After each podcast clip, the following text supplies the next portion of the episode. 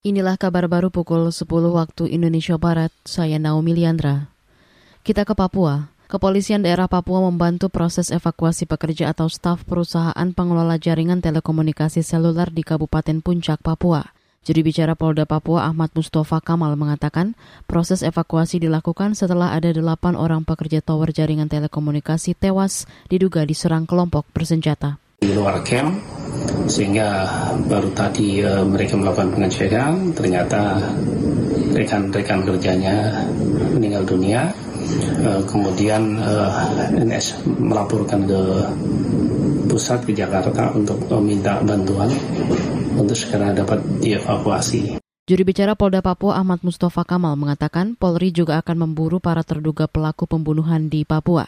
Selain menyerang pekerja tower telekomunikasi, kelompok bersenjata di Papua juga disebut menyerang anggota TNI yang sedang patroli. Di lain pihak, kelompok sipil mengecam kasus tewasnya seorang bocah di Kabupaten Puncak. Amnesty International Indonesia menduga bocah siswa SD tewas dianiaya karena dituduh mencuri senjata pada 20 Februari lalu. Kita ke informasi lain. Menteri Kesehatan Budi Gunadi Sadikin mengajak seluruh jajaran pemerintah pusat dan daerah serta segenap lapisan masyarakat untuk peduli mencegah dan mengendalikan gangguan pendengaran dan ketulian. Menteri Kesehatan Budi Gunadi mengkampanyekan pentingnya menjaga kesehatan telinga. Caranya mengatur volume earphone atau headset di angka 60 persen dan beristirahat menggunakan earphone atau headset sesudah penggunaan 60 menit. Data Organisasi Kesehatan Sedunia menunjukkan bahwa pada tahun 2021 satu dari lima orang di dunia mengalami gangguan pendengaran atau ketulian.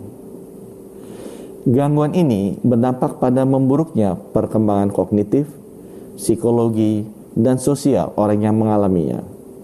Selain itu, gangguan pendengaran juga menyebabkan kerugian ekonomi sekitar 1 triliun dolar Amerika setiap tahunnya.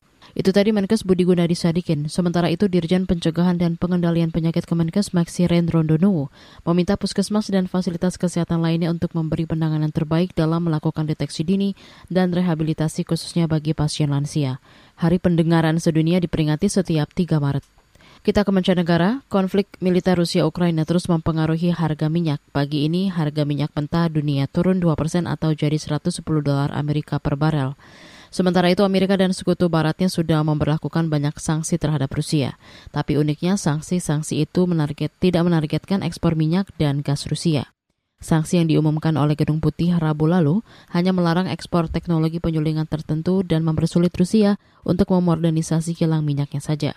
Sejumlah pihak memperkirakan ekspor minyak Rusia hanya akan turun 1 juta barel per hari akibat dampak tidak langsung atas serentetan sanksi dan banyak pihak. Meski begitu, harga minyak mentah dunia diperkirakan akan terus naik bahkan berpotensi melampaui 130 dolar Amerika per barel. Di Indonesia, kalangan ekonom mengingatkan pemerintah harus kreatif menekan dampak kenaikan harga minyak mentah dunia. Saudara, demikian kabar baru KBR. Saya Naomi Liandra, undur diri.